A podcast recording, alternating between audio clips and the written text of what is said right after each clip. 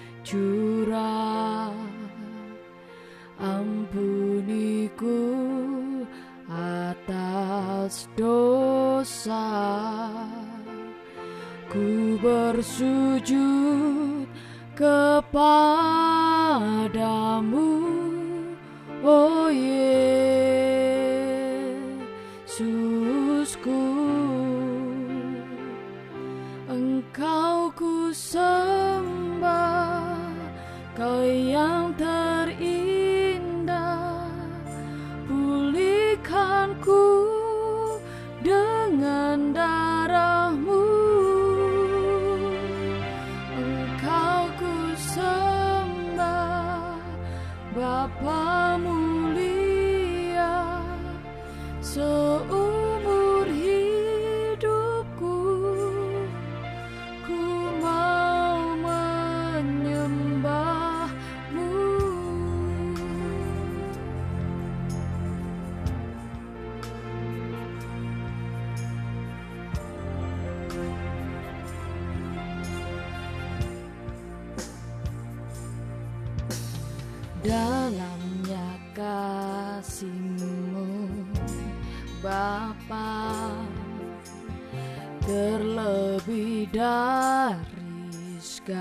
segalanya pengorbanan yang termulia selamatkanku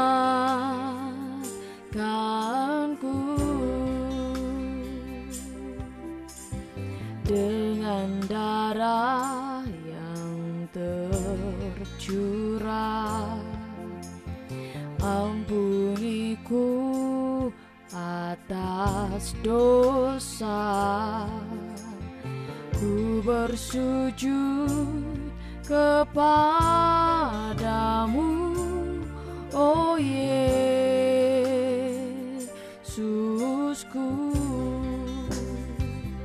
Engkau ku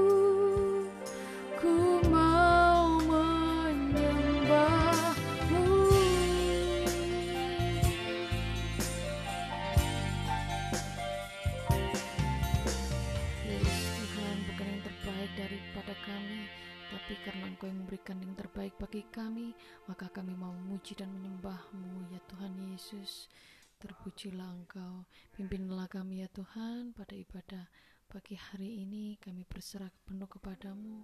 Engkau yang menjamah menguduskan kami sehingga kami bisa bersungguh-sungguh untuk beribadah kepadamu. Mari saudara kita bersama-sama menyiapkan hati kita untuk berdoa dan kepada Bapak Pendeta Jeff Tari dipersilakan untuk mimpin ibadah di dalam doa.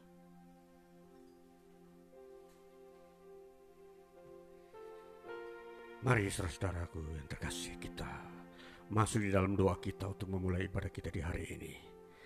Ya Allah kami, Bapa di dalam Tuhan Yesus Kristus, oleh kuasa roh kudusmu, kami diperkenankan hadir di pagi hari ini, memanggil engkau memanggil kami untuk beribadah kepadamu, memuji namamu yang kudus dan agung mulia dan yang kekal, kami datang lagi bersekutu bersama umatmu yang kau telah kuduskan di tempat ini.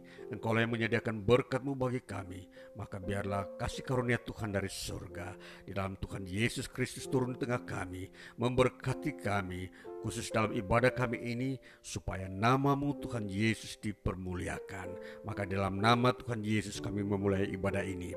Dari awal pertengahan sampai pada kesudahannya terjadi di dalam nama Tuhan Yesus Kristus. Haleluya. Amin. Firman Tuhan adalah kekuatan bagi kita ketika dia mengatakan bahwa bersukacitalah senantiasa. Hati yang gembira adalah obat. Mari kita bersama-sama bersukacita melalui pujian tutur kata.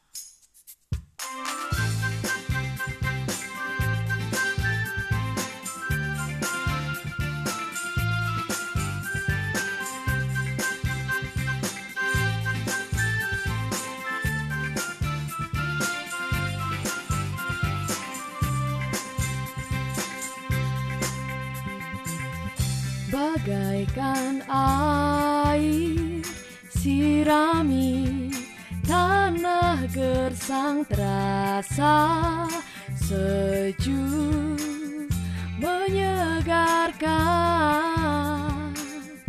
Bagai cahaya mentari hangat memelukku damai di jiwaku.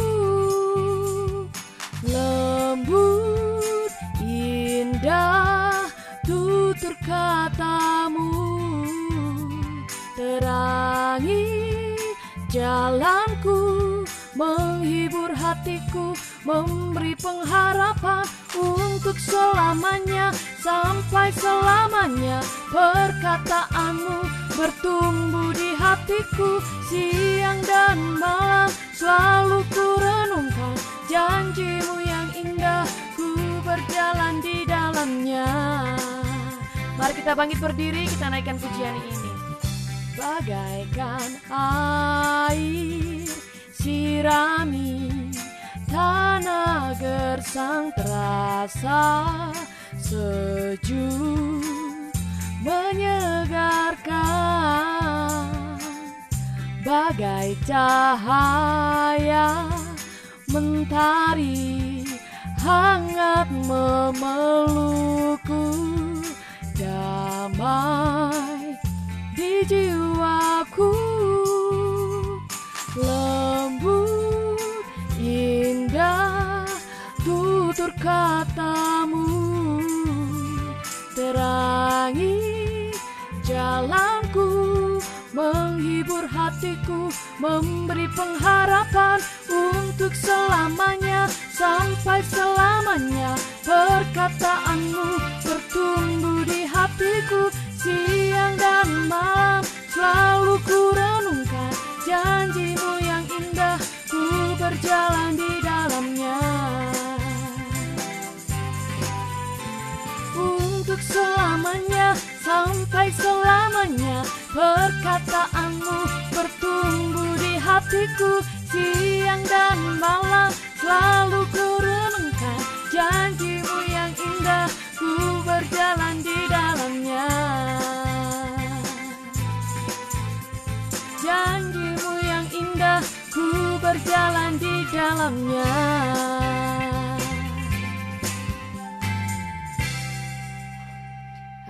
saudara-saudara dipersilakan untuk duduk kembali Puji Tuhan, amin bahwa janji-janji Tuhan selalu dikenapi. Janjinya yang menyertai kita senantiasa, kita pun merasakannya. Kita pun juga merasakan pemulihan terjadi atas kehidupan kita, maka Tuhan juga menyatakannya. Sungguh, Kau Tuhan mengubahkan hidup kami. Mari kita naikkan pujian ini bersama-sama. Bersuka di dalam Tuhan.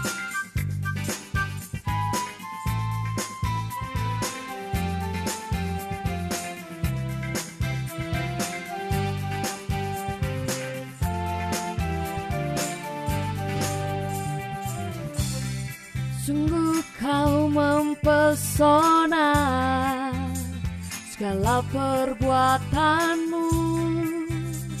Hapuskan raguku.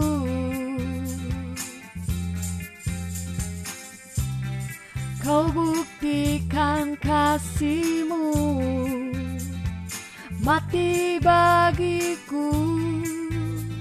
Hapuskan dosaku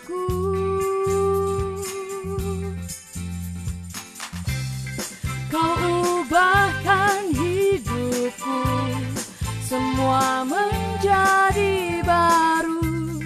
Sekarang ku bersuka di dalammu Yesusku.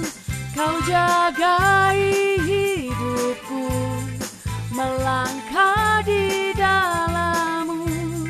Sampai ku terima mahkota kehidupanku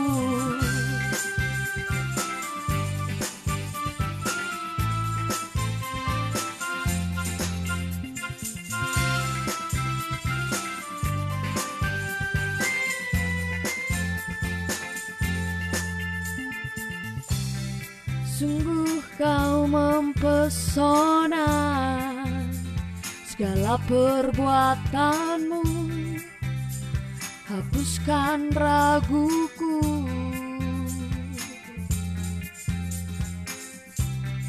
Kau buktikan kasihmu. Mati bagiku. Hapuskan dosaku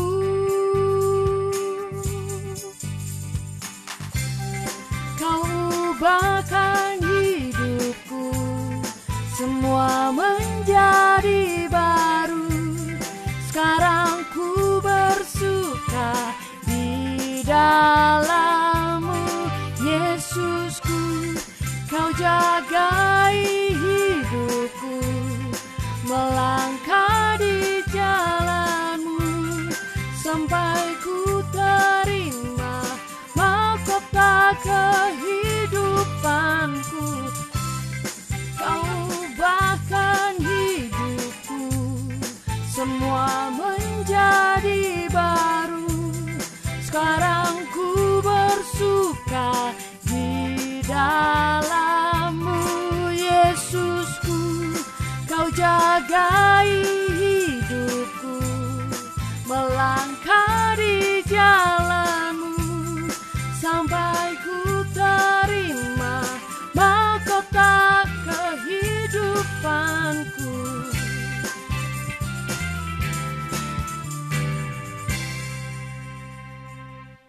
Tiba waktunya bagi saudara-saudara ingin memberikan kesaksian, dipersiapkan, dan mari kita menyambut kesaksian melalui pujian tangan kuat.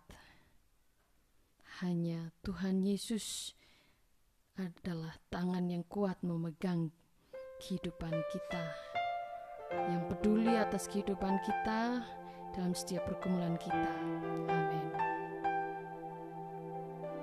Amin.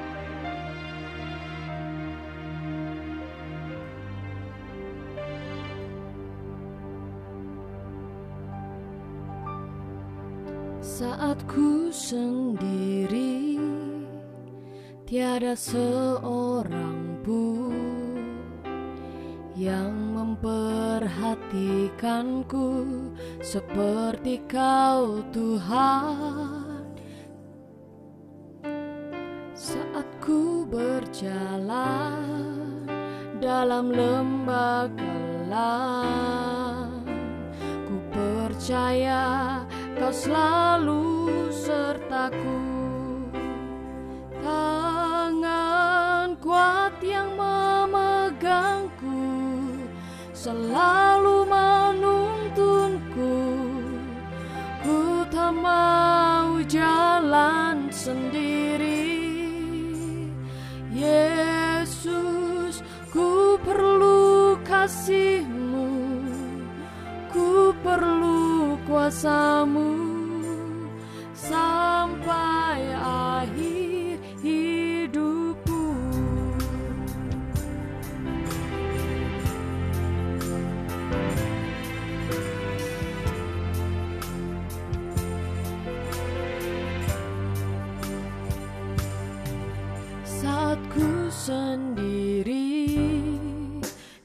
seorang pun Yang memperhatikanku Seperti kau Tuhan.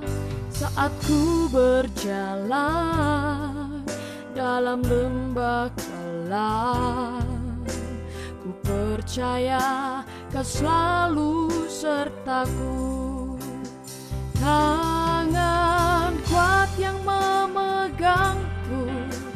Selalu menuntunku.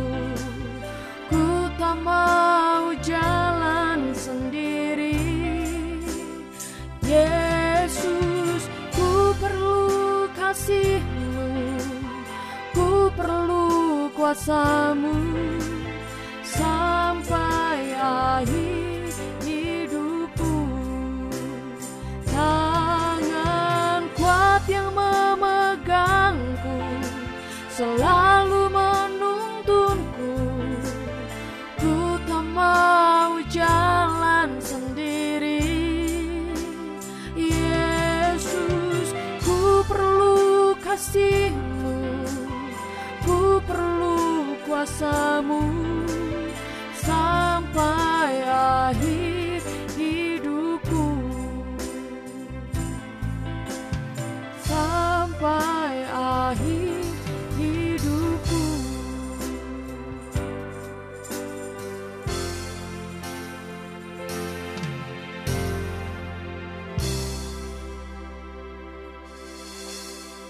yang ingin memberikan kesaksian, dipersilahkan.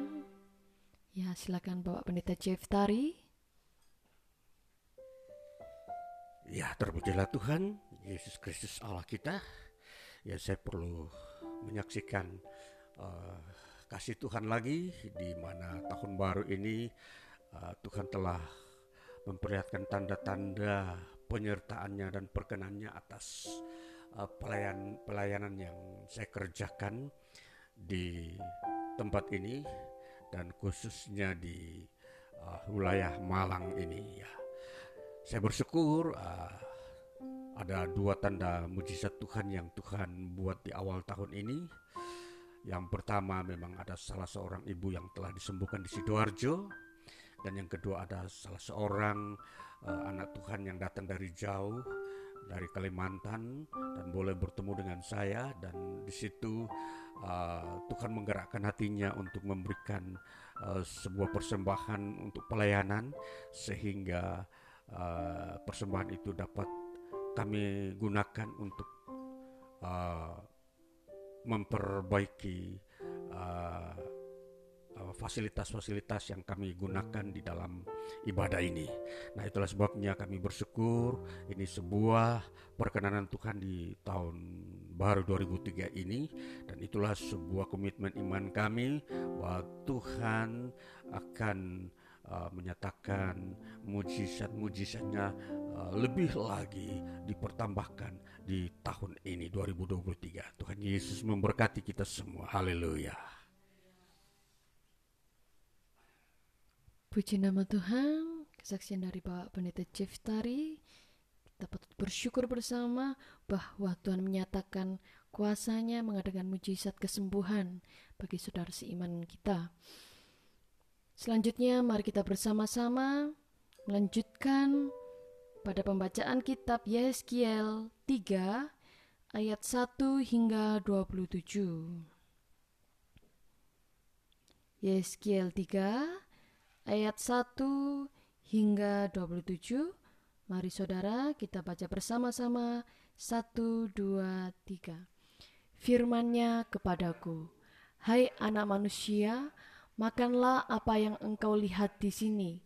Makanlah gulungan kitab ini dan pergilah, berbicaralah kepada kaum Israel maka ku bukalah mulutku dan diberikannya gulungan kitab itu kumakan. Lalu firmannya kepadaku, Hai anak manusia, makanlah gulungan kitab yang kuberikan ini kepadamu dan isilah perutmu dengan itu. Lalu aku memakannya dan rasanya manis seperti madu dalam mulutku. Firmannya kepadaku, Hai anak manusia, mari Pergilah dan temuilah kaum Israel dan sampaikanlah perkataan-perkataanku kepada mereka. Sebab engkau tidak diutus kepada suatu bangsa yang berbahasa asing dan yang berat lidah, tetapi kepada kaum Israel, bukan kepada banyak bangsa-bangsa yang berbahasa asing dan yang berat lidah, yang engkau tidak mengerti bahasanya. Sekiranya aku mengutus engkau kepada bangsa yang demikian, mereka akan mendengarkan engkau. Akan tetapi kaum Israel tidak mau mendengarkan engkau, sebab mereka tidak mau mendengarkan aku, karena seluruh kaum Israel berkepala batu dan bertegar hati. Lihat, aku meneguhkan hatimu melawan mereka yang berkepala batu dan membajakan semangatmu melawan ketegaran hati mereka. Seperti batu intan yang lebih keras daripada batu, kuteguhkan hatimu. Janganlah takut kepada mereka dan janganlah gentar melihat mukanya, sebab mereka adalah kaum pemberontak. Selanjutnya firmannya kepadaku, Hai anak manusia, perhatikanlah segala perkataanku yang akan kufirmankan kepadamu dan berikanlah telingamu kepadanya. Mari, pergilah dan temuilah orang-orang buangan, teman sebangsamu, berbicaralah kepada mereka dan katakanlah, Beginilah firman Tuhan Allah, baik mereka mau mendengarkan atau tidak.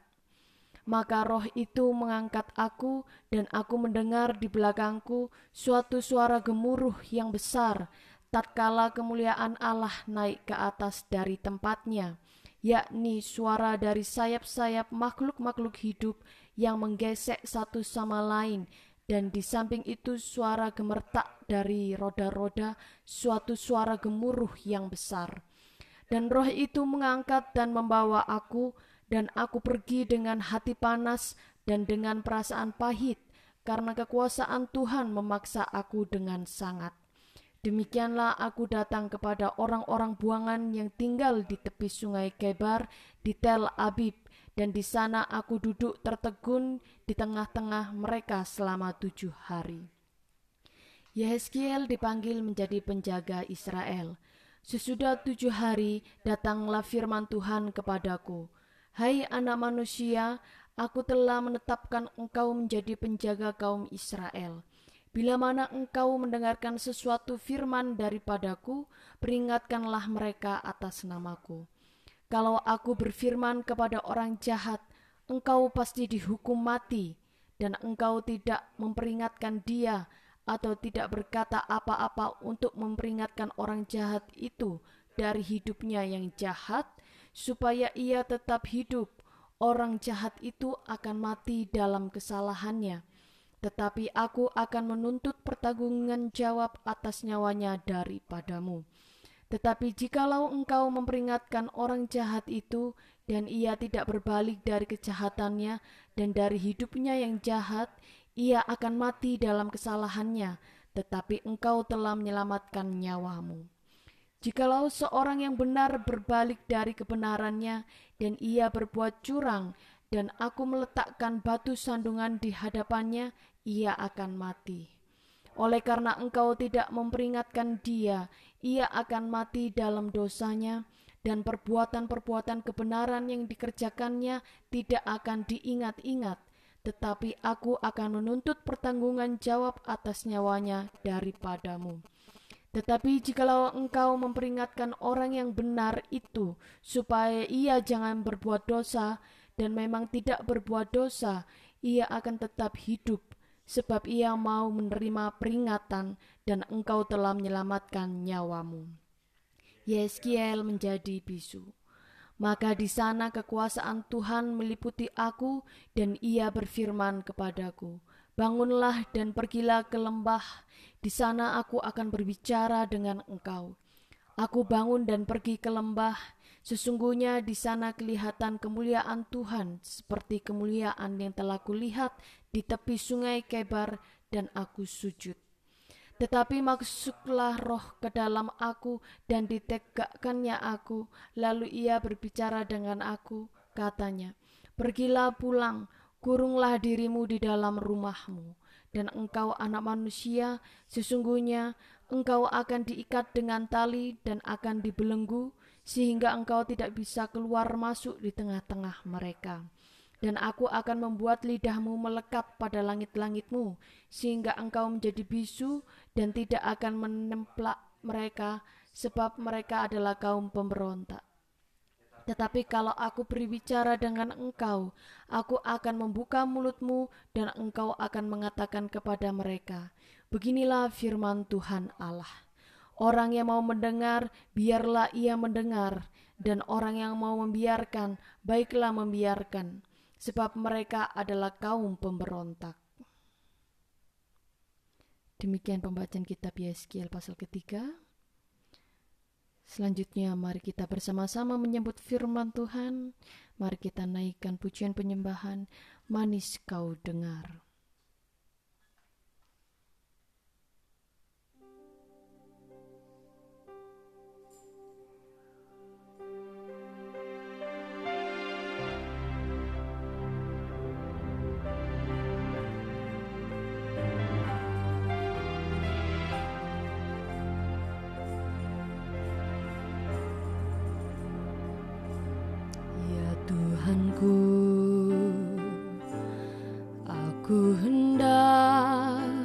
Bernyanyi bagimu. Selama ku hidup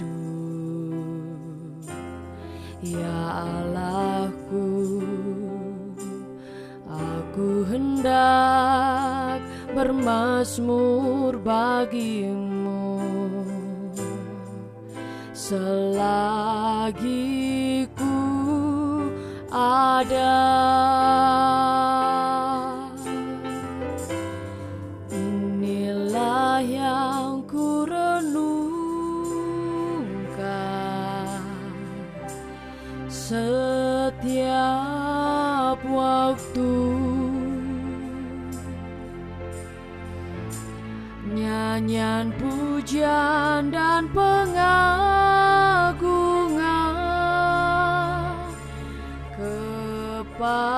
done.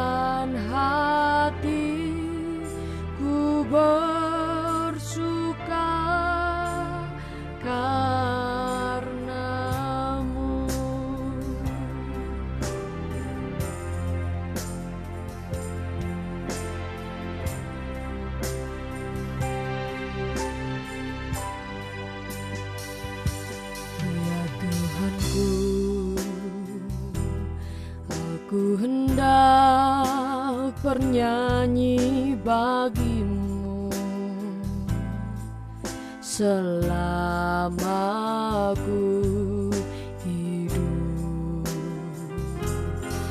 Allahku aku hendak bermasmur bagimu. Selagi ku ada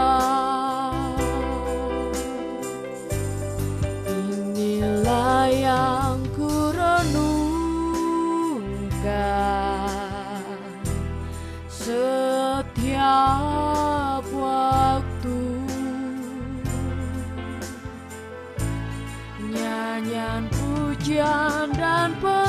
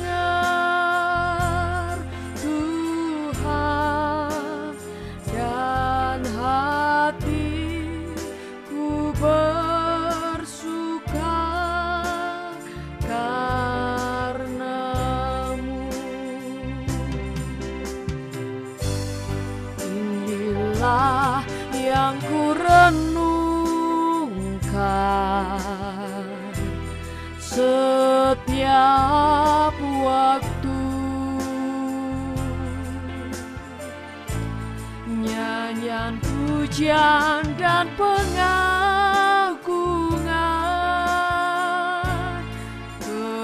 kepadamu.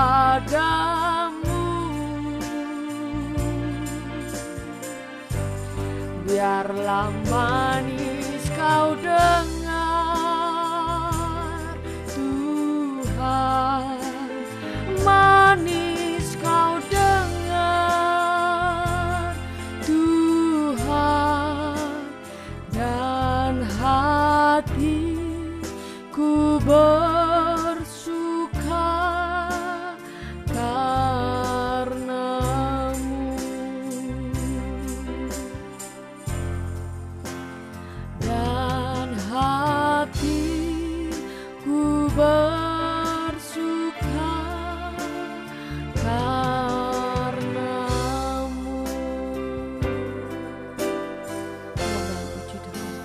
kepada Pak Pendeta Jeff Tari dipersilakan untuk menyampaikan firman Tuhan dan berdoa.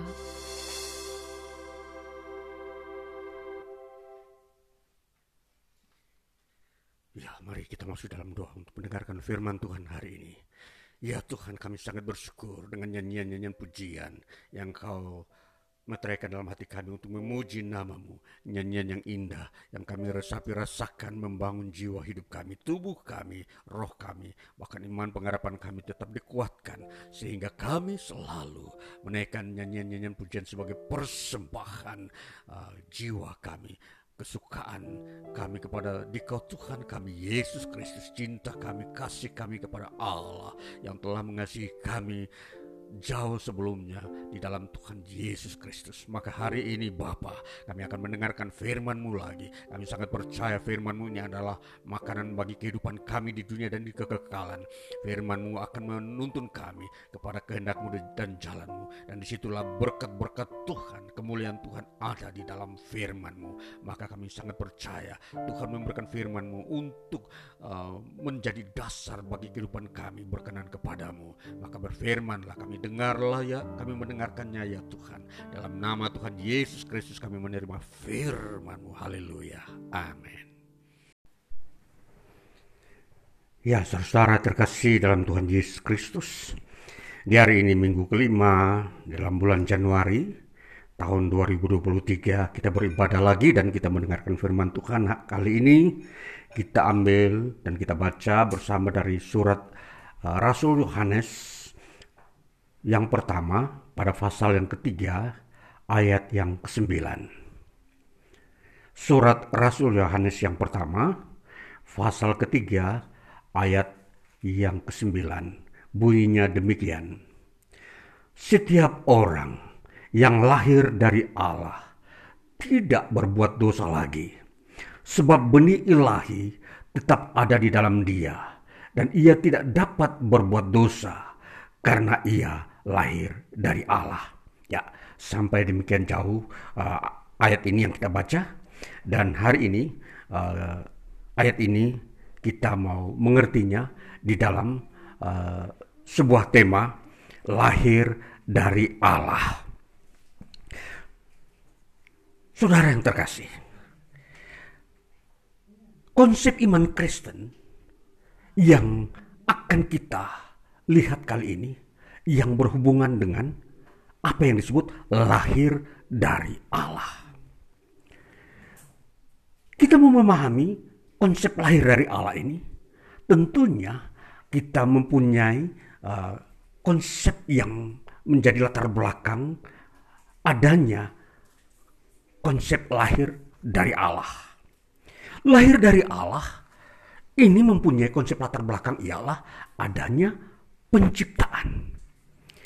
Jadi kalau kita membaca di dalam uh, kitab kejadian pasal yang uh, kita akan membaca pasal yang uh, kedua pada ayat yang ketujuh demikian bunyinya.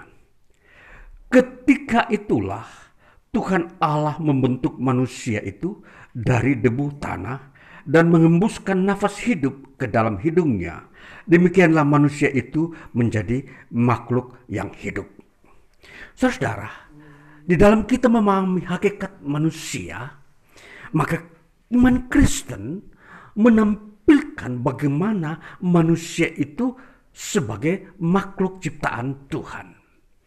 Jadi, kalau di dalam kitab Kejadian pasal 2 ayat 7 dikatakan ketika Allah menciptakan manusia itu dari debu tanah. Nah, kalau kita memperhatikan ciptaan Allah yang pada mulanya yaitu uh, nenek moyang manusia yang disebut Adam dan Hawa, Allah menciptakan manusia pertama ini adalah dalam satu bentuk yang diambil dari tanah. Kemudian Allah membentuknya menjadi sebuah seperti katakanlah kita sebut patung. Lalu setelah terjadi bentuk itu, maka Allah menghembuskan nafasnya. Maka apa yang Allah bentuk tadi yang uh, pada mulanya patung itu menjadi hidup. Menjadi makhluk hidup, hidup. Itulah penjelasan Alkitab tentang hakikat manusia. Bahwa manusia itu diciptakan oleh Allah melalui bahan-bahan yang Allah ambil dari bumi, yaitu tanah atau debu. Nah, jadi uh, kalau kita memperhatikan uh, prosesnya, tentunya uh, apa yang kita kenal sekarang ini, kalau kita memperhatikan uh, manusia uh, membuat sebuah patung, ya, jadi tentunya bahan-bahannya adalah dari kalau kita perhatikan itu tanah bisa atau yang zaman modern sekarang itu bisa juga semen ya. Tetapi inilah yang paling mendasar adalah tanah lempung ya. Tanah liat itu itulah uh, bahan dasar. Nah jadi ini Alkitab menjelaskan bahwa di sinilah permulaan Allah menciptakan manusia jadi konsep penciptaan ciptaan manusia inilah yang akan dipakai di dalam kita memahami lahir dari Allah. Jadi manusia adalah makhluk yang memang diciptakan oleh Allah. Dia tidak berasal dari dirinya sendiri. Manusia tidak berasal dari sumber-sumber lain atau uh, uh, faktor-faktor kimiawi kalau kita memperhatikan ada teori-teori seperti uh, uh, teori evolusi, seperti kalau kita memperhatikan teori Darwin. Darwin mengatakan bahwa manusia itu berasal dari uh, kera, keturunan kera.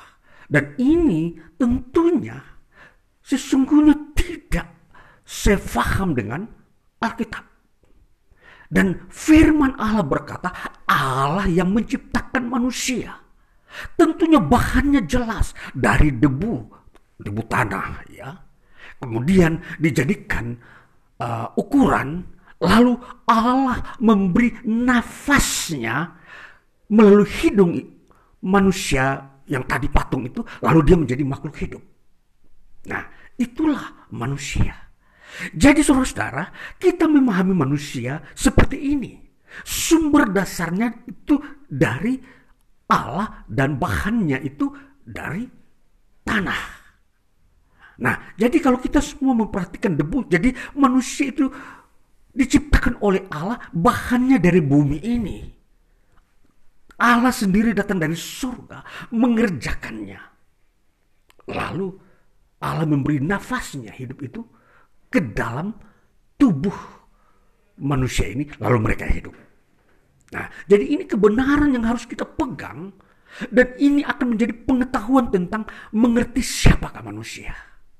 Nah, jadi manusia inilah yang kita akan uh, melihat diri kita sesuai dengan firman Tuhan yang kita akan nanti mengerti tema yang disebut lahir dari Allah. Nah, jadi kita mau melihat di sini ada dua konsep Alkitab tentang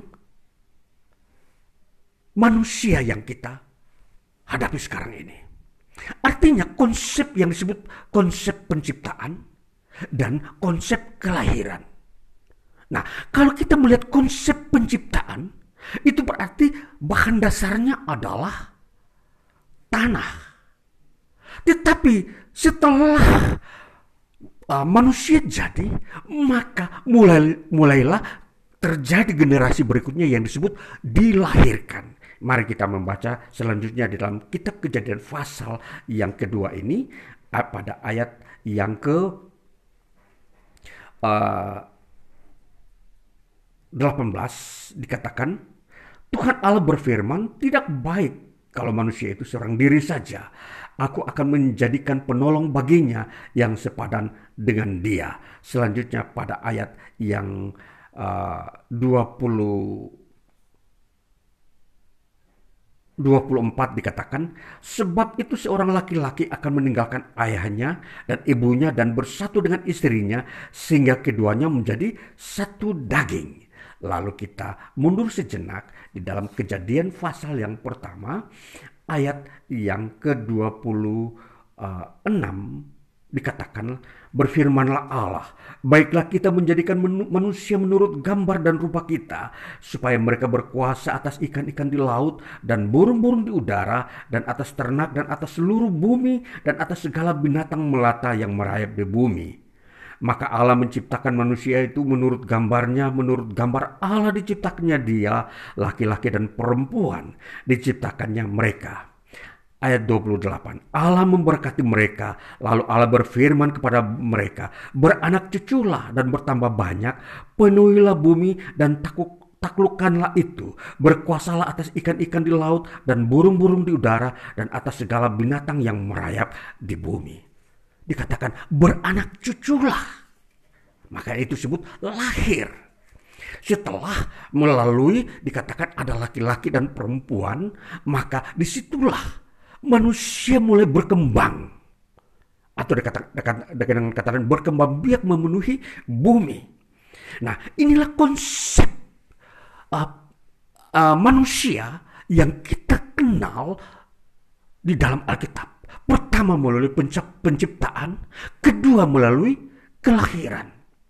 Nah, jadi kalau proses penciptaan kita sudah tahu bahwa Allah yang menciptakan memulainya. Dari semua itu dari Allah. Lalu kemudian dikatakan lahir. Lalu lahirlah generasi atau anak-anak manusia ini.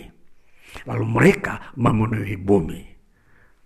Saudara yang terkasih, kalau kita memperhatikan bagaimana perjalanan penciptaan Allah ini terhadap manusia, maka kita sampai kepada puncaknya dalam kitab kejadian pasal 3 bahwa ternyata penciptaan Allah, Allah menciptakan manusia pertama ini, mereka jatuh dalam dosa, mereka gagal dan tidak taat kepada Allah.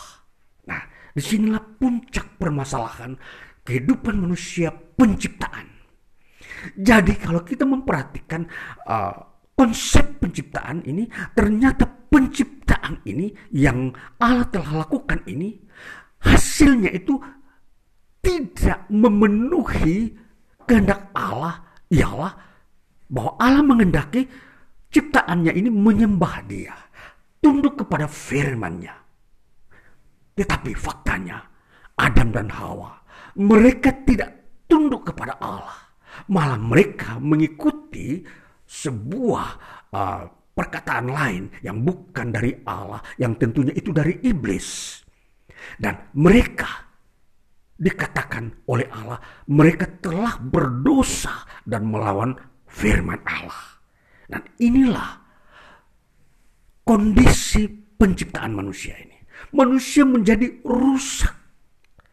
Jadi apa yang Allah ciptakan tadi yang kalau kita lihat uh, gambarannya tadi mulai dari debu tanah itu menjadi uh, patung itu itu telah menjadi rusak.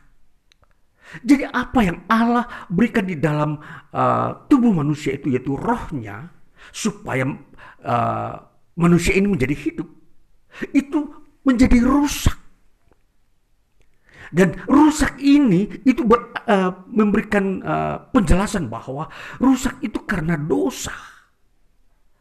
Jadi rusaknya ini bukan uh, bahannya, manusia tetap bentuk tubuhnya, tapi rusak adalah yaitu roh yang ada uh, tinggal di dalam manusia itu dia dirusak dirusakkan dengan perbuatan dosa yang manusia lakukan, yaitu tidak taat kepada firman-Nya. Nah, sehingga apa? Manusia ini tidak mampu lagi uh, bersekutu dengan Allah. Nah, inilah uh, kita melihat konsep penciptaan sudah seperti itu. Nah, saudara-saudara, apakah konsep kelahiran itu uh, mengalami gangguan? Proses kelahiran memang mengalami gangguan, tetapi dia tidak uh, dihancurkan.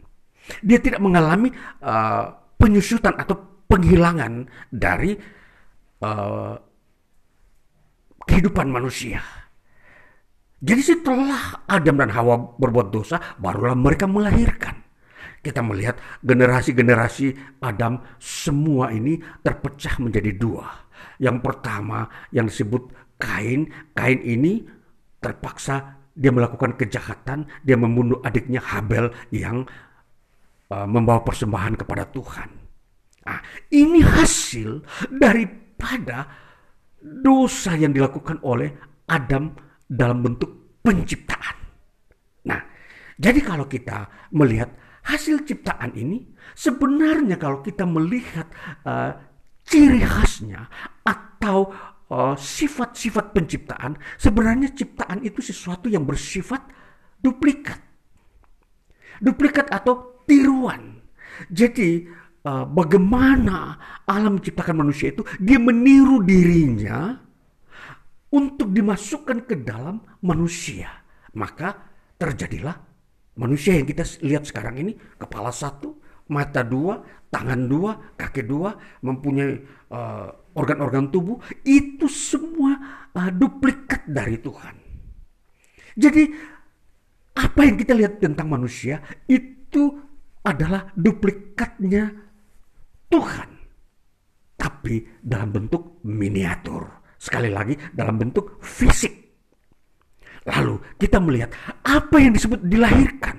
Ketika Adam dan Hawa ini, Hawa melahirkan anak mereka, Kain dan Habel, Kain ini bukan lagi duplikatnya Tuhan.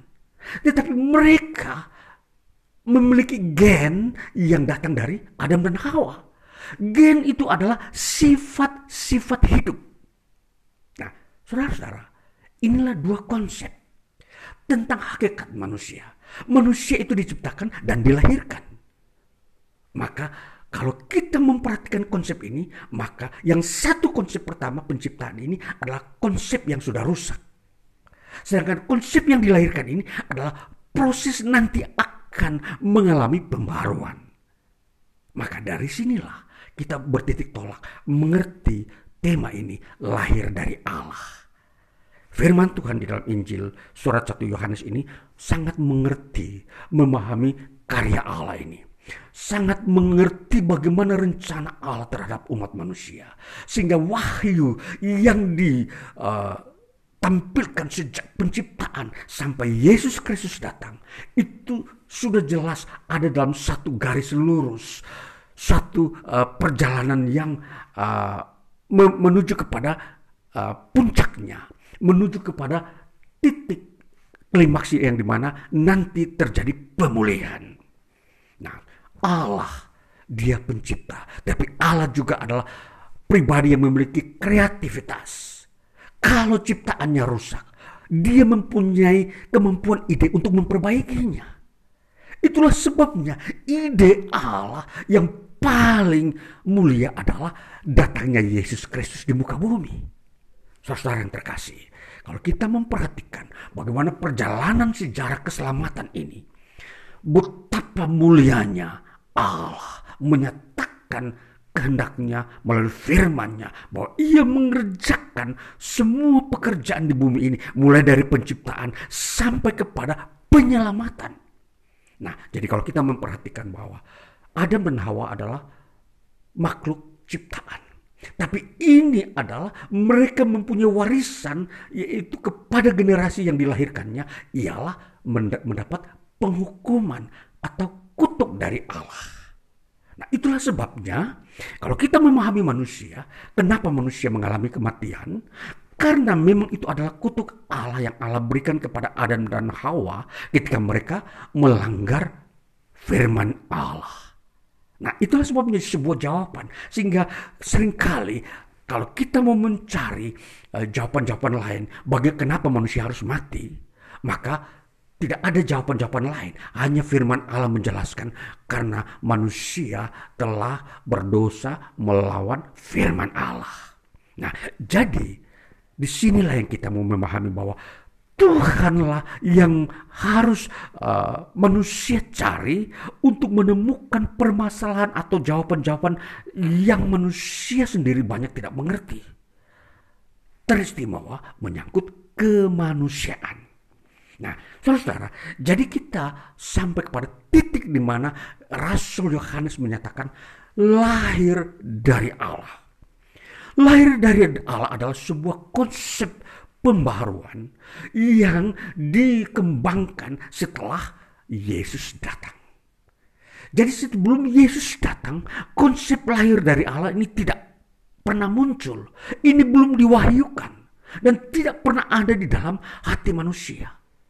Yang ada hanya adalah bagaimana bagaimana manusia harus bertobat atau uh, meninggalkan dosa-dosanya atau uh, menyatakan sebuah permohonan pengampunan dosa terhadap Allah, maka Allah memberikan sebuah garansi bahwa ini uh, jalannya bagaimana kamu mendapatkan pengampunan dosa.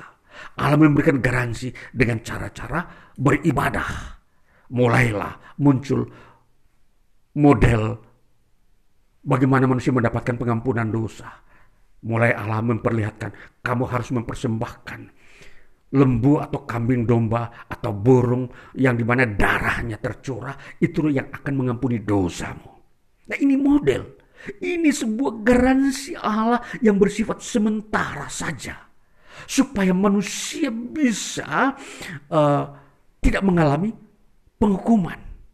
Jadi boleh kata uh, dalam pakai bahasa uh, uh, eufisme, eufisme adalah bahasa perasaan manusia bahwa Allah berdiam sementara. Ketika manusia berdosa, lalu kemudian manusia datang kepada Allah membawa persembahan korban baik lembu atau sapi atau kambing atau burung yang darahnya dicurahkan itu memang mengampuni dosa tetapi bersifat sementara. Tidak bersifat kekal. Itulah sebabnya setiap tahun umat Tuhan harus mempersembahkan korban ini untuk menghapus dosanya. Tetapi ini disebut sementara.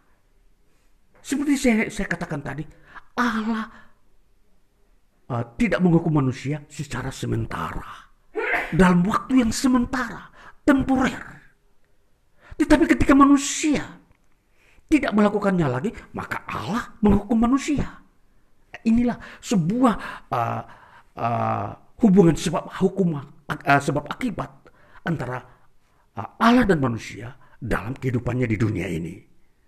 Nah, jadi ketika manusia tidak mempersembahkan korban pengampunan dosa, maka hukuman Allah terwujud atau dinyatakan kepada manusia.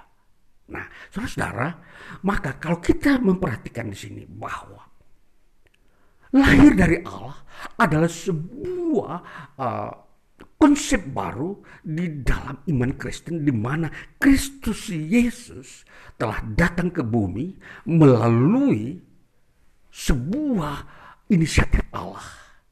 Bahwa Allah datang dengan caranya sendiri, dengan kemampuannya sendiri, supaya apa yang manusia lakukan kepada Allah dalam hal mempersembahkan korban itu tidak perlu lagi dilakukan. Dengan kata lain, Allah mau menghapus model yang lama. Karena itu bersifat sementara. Allah ingin mengampuni manusia bersifat kekal. Allah ingin apa yang dia lakukan itu di dalam menyelamatkan manusia itu bersifat sekali untuk selamanya. Inilah Yesus Kristus datang. Dan ini yang kita lihat. Bahwa orang yang uh, percaya kepada Yesus Kristus. Mereka mengalami pengampunan dosa selama-lamanya. Maka inilah ilah yang disebut lahir dari Allah. Konsep lahir dari Allah ini muncul karena pengampunan dosa yang bersifat kekal di dalam Yesus Kristus. Jadi orang yang percaya kepada Yesus Kristus tidak perlu lagi setiap tahun membawa korban uh, pengak, uh, pengampunan dosa.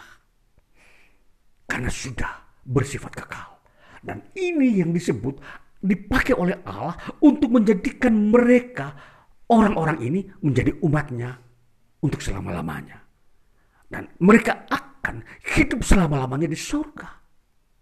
Ini yang disebut lahir dari Allah. Makanya firman Tuhan berkata, dikatakan orang yang lahir dari Allah tidak berbuat dosa lagi. Nah, ini sebuah praktek kehidupan manusia di bumi ini. Itu bukan sebuah uh, masa-masa persiapan akan datang. Tetapi ketika justru itu mengartikan bahwa ketika seseorang di bumi ini percaya kepada Yesus Kristus hari ini, Hari ini pula dia dilepaskan dari dosa dan dia tidak berbuat dosa lagi seterusnya. Itulah sebabnya di dalam kata ini maka dikatakan memakai kalimat atau uh, struktur kalimatnya adalah present peace.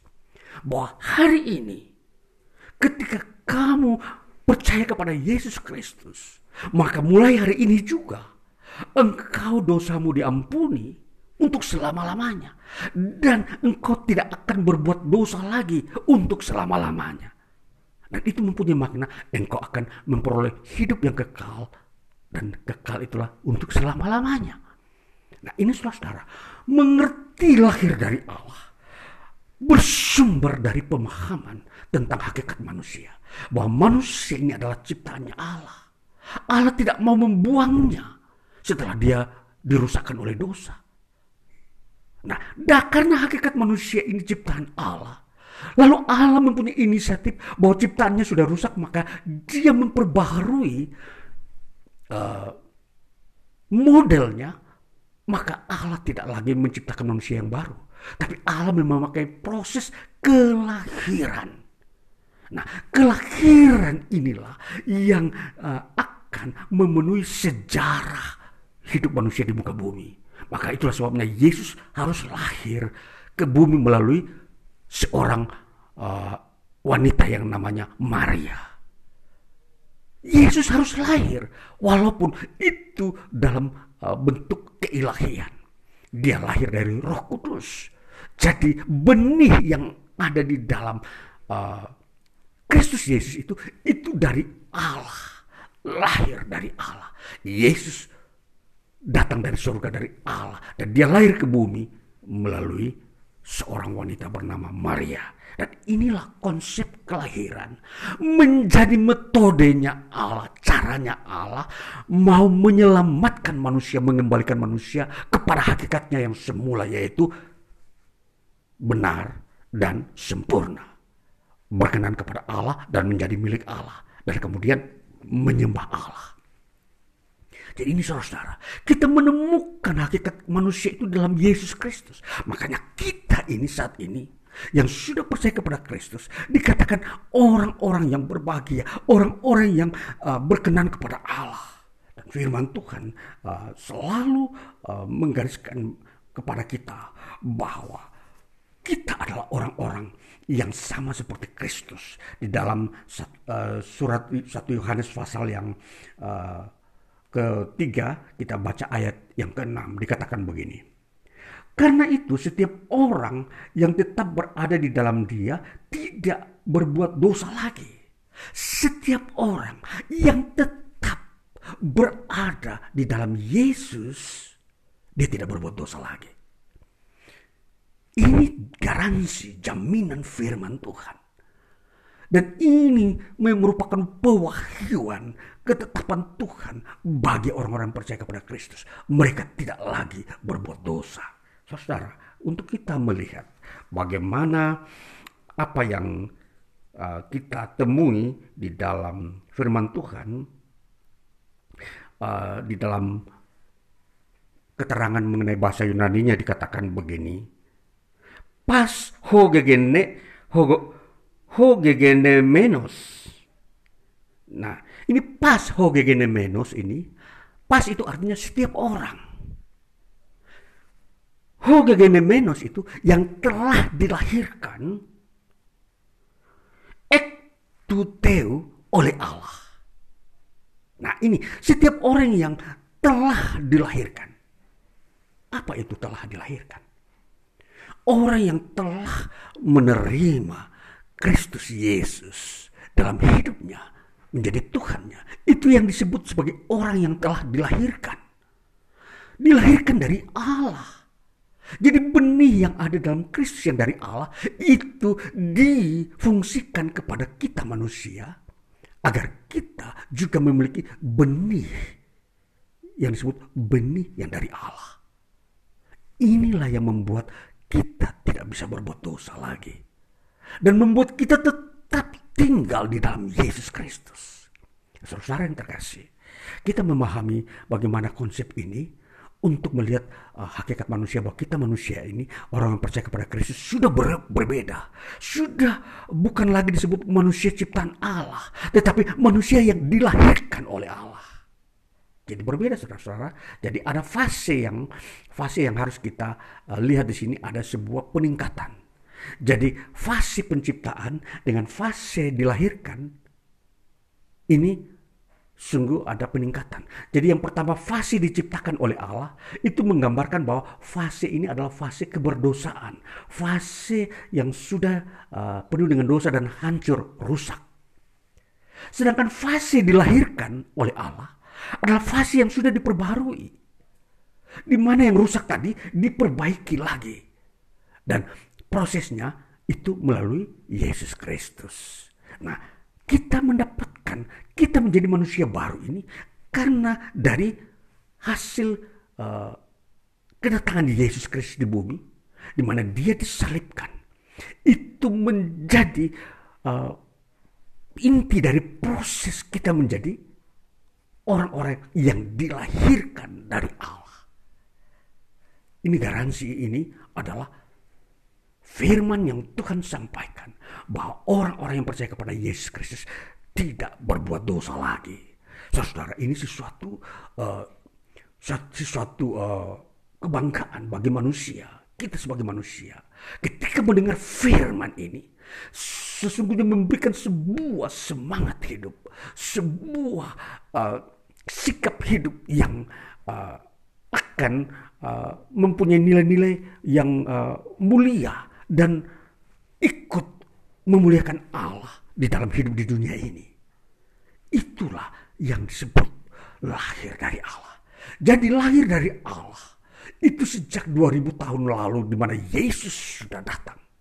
Orang-orang yang percaya kepada dia sudah mulai hadir di bumi. Maka orang-orang yang lahir dari Allah di bumi ini sudah berusia 2000 tahun lebih. Sedangkan orang-orang yang diciptakan Allah itu jauh lebih tua. Dan sebagian sudah dimusnahkan pada era Nuh. Dan saudara-saudara, kalau kita memperhatikan, masih ada peninggalan-peninggalan orang-orang yang belum percaya kepada Kristus.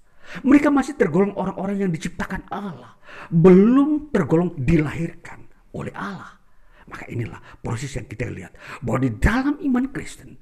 Di sini kita akan melihat bahwa sesungguhnya proses yang sedang Allah kerjakan ialah membawa manusia percaya kepada Kristus agar mereka juga menjadi bagian menjadi orang-orang yang dilahirkan oleh Allah sehingga target keselamatan Allah untuk memenuhi kerajaannya itu bahwa semua orang bisa mendapatkannya. Saudara-saudaraku yang terkasih, dalam era ini kita harus mempunyai konsep yang harus semakin cemerlang.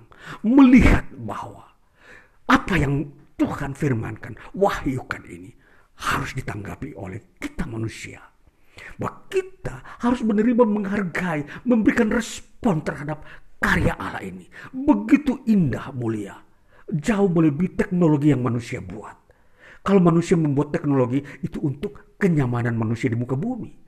Agar manusia menikmati uh, kehidupan di dunia ini tidak ada di dalam sebuah penderitaan.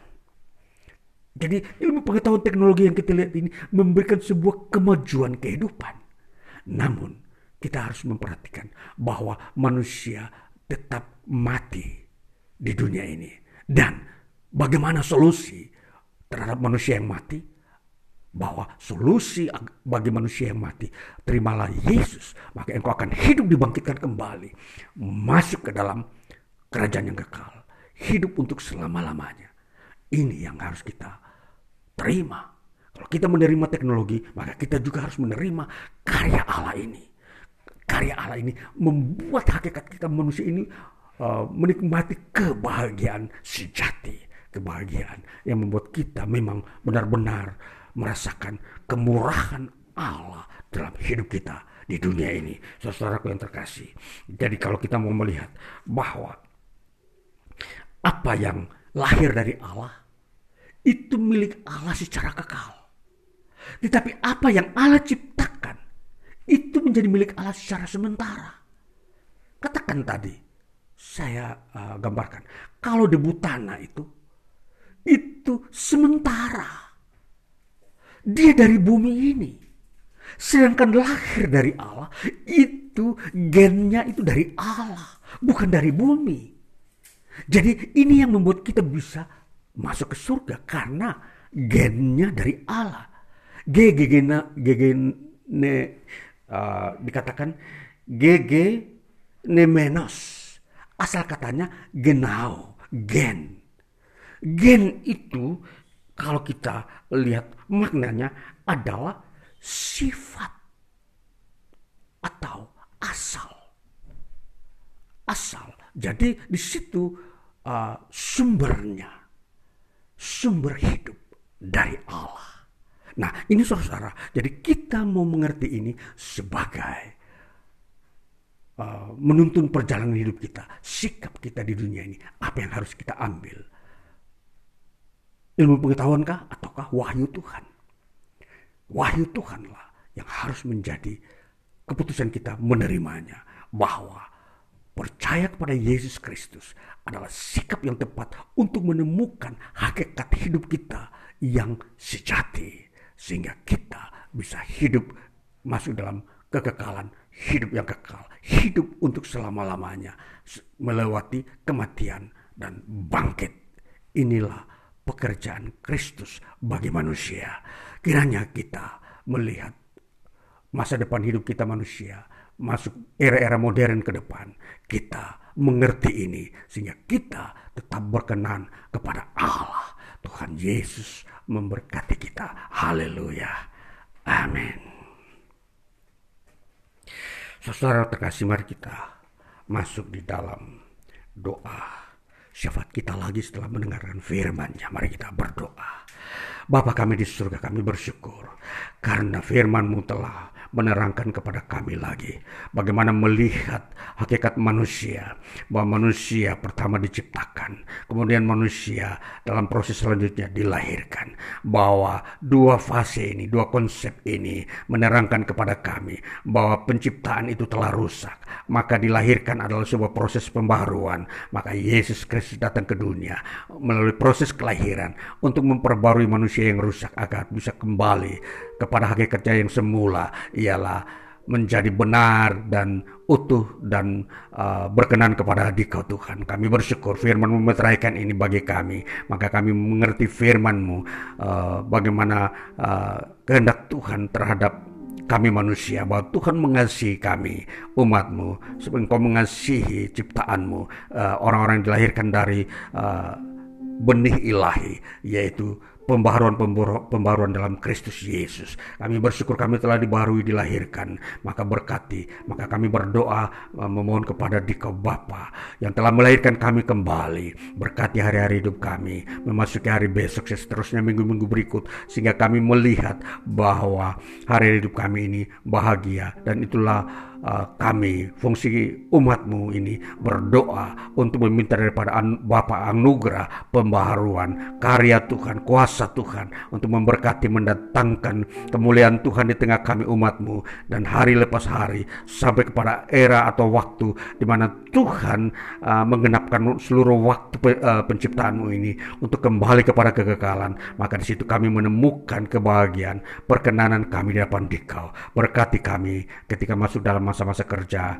Setiap umatmu yang masuk dalam dunia kerja, dunia pendidikan, di mana mereka bekerja baik di instansi pemerintah maupun wira swasta, berkati mereka bahwa mereka bawakan bahwa mereka untuk menjadikan terang di tengah-tengah lingkungan kehidupan manusia yang masih banyak membutuhkan akan uh, wahyu Tuhan, firman-Mu agar setiap orang di muka bumi tidak terhilang jalan hidupnya. Berkati dan kuduskan kami, penuhkan kami dengan kasih-Mu dan roh kudus-Mu, dan kemudian karuniakan kami, karunia-karunia dalam roh kudus untuk kami bekerja baik bagi kemuliaan Allah, baik untuk membangun hidup kami di bumi ini. Dan semua itu, itu dipersembahkan kepada dikau lagi, Tuhan Yesus Kristus. Terima kasih Bapa. Maka ini seluruh doa kami Turunlah anugerah Tuhan dari surga, kasih daripada Allah Bapa, persekutuan dengan Tuhan Yesus Kristus, dan penghiburan Roh Kudus menyertai kami semua hari ini terus sampai selama-lamanya. Dan kami berdoa sesuai dengan apa yang Tuhan ajarkan kepada kami. Bapa kami yang di surga, dikuduskanlah namamu, datanglah kerajaanmu, jadilah kehendakmu di bumi seperti di surga. Berikanlah kami pada hari ini makanan kami yang secukupnya, dan ampunilah kami akan kesalahan kami, seperti kami juga mengampuni orang yang bersalah kepada kami. Dan janganlah membawa kami ke dalam pencobaan, tetapi lepaskanlah kami daripada yang jahat, karena engkau yang punya kerajaan, kuasa dan kemuliaan sampai selama-lamanya. Terima kasih Yesus. Terima kasih Yesus. Puji syukur hanya bagimu Ya Allahku Ya Tuhanku Terima kasih Yesus. Haleluya. Terima kasih Yesus. Puji syukur hanya bagimu. Terima kasih Yesus. Bapak terima kasih untuk kasih anugerah firman berkat bagi kami hari ini. Di dalam nama Tuhan Yesus Kristus kami berdoa dan bersyukur. Haleluya. Amin. Puji Tuhan